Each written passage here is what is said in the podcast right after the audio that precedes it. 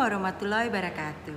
Salam sejahtera. Semoga hari ini kita semua dikaruniai kesehatan olehnya. Dengan Niken Tanti Sudarmono di sini mengucapkan terima kasih atas kesediaannya mendengarkan YouTube-YouTube saya. Kali ini saya akan membahas mengenai insulin resisten. Apa sih sebetulnya insulin resisten itu dan kenapa bisa terjadi insulin resisten? Saya akan memulai pembahasannya dulu dari uh, makronutrien. Jadi dari asupan-asupan yang kita konsumsi. Asupan yang kita konsumsi terbagi dari dua bagian yaitu makronutrisi dan mikronutrisi. Di mana makronutrisi ini terdiri dari uh, karbohidrat, protein, dan lemak. Karbohidrat di dalam tubuh kita akan dirubah menjadi glukosa protein di dalam tubuh kita akan dirubah menjadi asam amino. Jika berlebih, asam amino ini akan berubah juga menjadi glukosa. Glukosa-glukosa yang masuk ke dalam tubuh kita inilah yang akan digunakan menjadi energi oleh sel-sel kita. Glukosa-glukosa yang masuk ke dalam pembuluh darah kita memerlukan suatu pendorong yaitu insulin. Jadi insulin inilah yang mendorong si glukosa agar masuk ke dalam sel-sel tubuh kita. Nah, walaupun sel tubuh kita sangat banyak, tapi jumlah glukosa yang dibutuhkan hanya 2 sendok teh.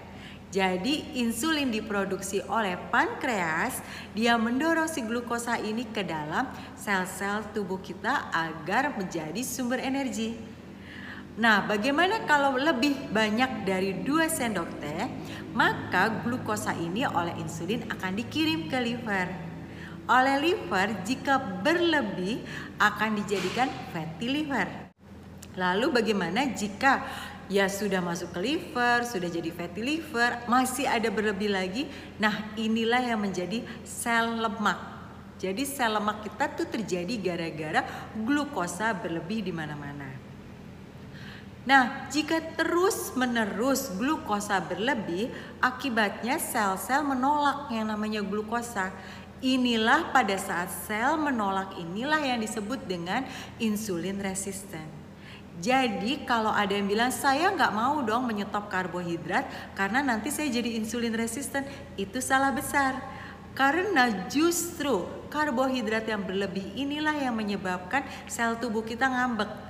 Udah deh nggak mau lagi deh saya terima glukosa-glukosa ini Stop ya saya nggak mau lagi terima Akibatnya dia tidak disebut sebagai insulin resisten Menolak si insulin ini Insulin resisten yang terus-menerus ini dapat menyebabkan penyakit-penyakit tertentu, yaitu diabetes tipe 2 dan PCOS.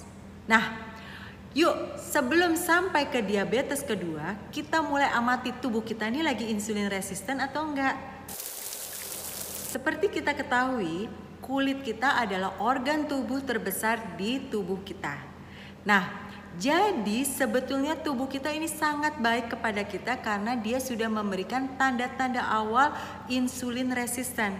Jadi dia sebetulnya sudah berbaik hati pada kita jangan tunggu sampai hasil lab mengatakan kalau sudah terkena diabetes tipe 2. Yuk kita amati dulu ini tubuh udah insulin resisten belum? Tanda-tanda insulin resisten yang terjadi pada kulit adalah kehitaman di leher, jadi jika leher udah mulai ada kehitaman, baik di depan, di belakang atau di punggung, itu adalah tanda-tanda dari insulin resisten. Atau jika menggelap di ketiak, itu juga insulin resisten. Atau juga jika di buku-buku jari ini membengkak dan menghitam, itu juga tanda-tanda insulin resisten. Selain itu, tanda-tanda insulin resisten di kulit lainnya adalah skin tag Skin tag itu kayak tai lalat yang tiba-tiba muncul ya suka banyak. Nah, itu adalah tanda-tanda insulin resisten. Biasanya senangnya teman-teman di coat di. Jadi kayak di laser biar hilang. Padahal sebaiknya kita perbaiki akarnya.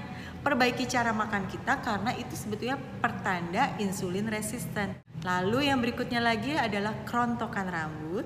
Lalu ada juga yang disebut dengan jerawat. Jadi kalau jerawat terus menerus, cek makannya. Terlalu banyak karbohidrat enggak? Manis-manis itu kita samakan dengan karbohidrat. Jadi gula itu adalah karbohidrat. Nah, sumber karbohidrat lainnya adalah di mana lagi selain di gula? bisa di susu, ingat ada laktosa, gula susu. Lalu bisa juga di buah, bisa di sayur, dan ingat ada yang disebut dengan hidden karbohidrat.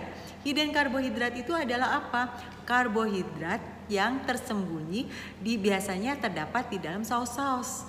Saus-saus ya, saus tomat, saus sambal itu biasanya terdapat hidden karbohidrat yang cukup besar. Nah, yuk kita perhatikan asupan kita. Jangan bilang nggak apa-apa nih jerawatan karena saya mau menstruasi. Itu bukan nggak apa-apa. Itu udah salah satu alarm dari tubuh kita. Nah, selain pada kulit, insulin resisten juga bisa kita lihat dari jika kita uh, berat badannya terlalu berlebih daripada seharusnya. Jika kita sulit menurunkan berat badan, jadi udah melakukan segala macam, ini berat badan nggak turun-turun, itu udah harus curiga kalau ada terjadi insulin resisten. Lalu juga makan rasanya nggak kenyang-kenyang, pengen makan terus. Itu juga insulin resisten. Jadi kadangkala kalau saya usulkan supaya nggak makan nasi, ada aja pertanyaan, nanti saya kelaparan dong itu tanda insulin resisten. Hati-hati. Lalu juga selalu ingin makan manis setelah selesai makan. Jadi setelah selesai makan mencari dessert karena mulut rasanya nggak enak nih, ingin makan manis-manis, itu tanda-tanda insulin resisten. Yang berikutnya lagi, udah makan manis tapi tidak bisa memuaskan rasa keinginan akan rasa manis itu. Terus aja pengen cari yang manis. Itu juga insulin resisten. Lalu setelah makan mengantuk, setelah makan rasanya capek, itu juga adalah tanda-tanda awal dari insulin resisten. Tanda-tanda insulin resisten lainnya adalah jika kita selalu merasa haus dan um, buang air kecilnya sangat berlebih. Jadi dikit-dikit buang air kecil. Tapi jangan salah, ada beberapa orang yang memang tadinya minumnya sedikit terus selalu berusaha memperbaiki gaya hidupnya dengan minum diperbanyak pasti awal-awalnya ke belakang buang air kecilnya lebih banyak tapi itu biasanya dua minggu saja lalu setelah dua minggu uh, keinginan itu berkurang nah keinginan untuk buang air kecilnya tidak bisa ditertahan. Jadi harus selalu dekat-dekat dengan kamar mandi. Lalu selalu haus dan haus. Itu sudah salah satu pertanda insulin resisten.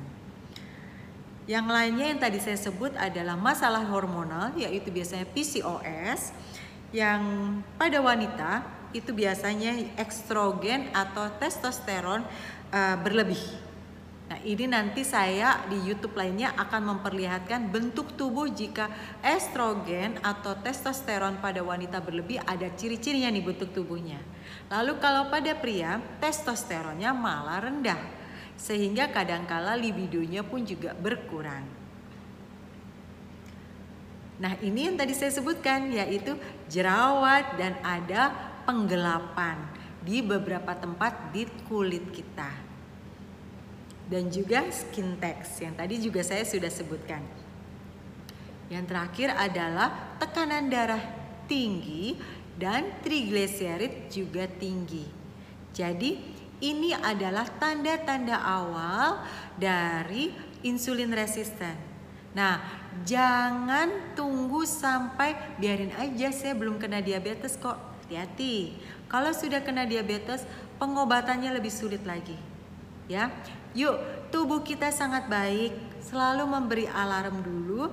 Nah, kita amati dulu alarm-alarm ini dan kita berusaha perbaiki gaya hidup kita. Gimana cara memperbaikinya? Tentunya dengan mengurangi asupan yang menyebabkan di dalam tubuh kita menjadi glukosa. Apakah itu? Karbohidrat dan protein berlebih. Ingat, uh, glukosa cuma dibutuhkan 2 sendok teh saja. Jangan berlebih. Dan glukosa banyak hidden-hiddennya, banyak tersembunyi. Jadi lebih baik kita makan yang tersembunyi karena pasti sedikit tapi kurangi yang jelas-jelas terlihat atau stop yang jelas-jelas terlihat. Misalnya, contohnya di nasi, di jagung, di kentang, itu yang betul-betul menghasilkan uh, karbohidrat. Dan menghasilkan gula sangat banyak di dalam tubuh kita. Terima kasih sudah berkenan mendengarkan. Assalamualaikum warahmatullahi wabarakatuh.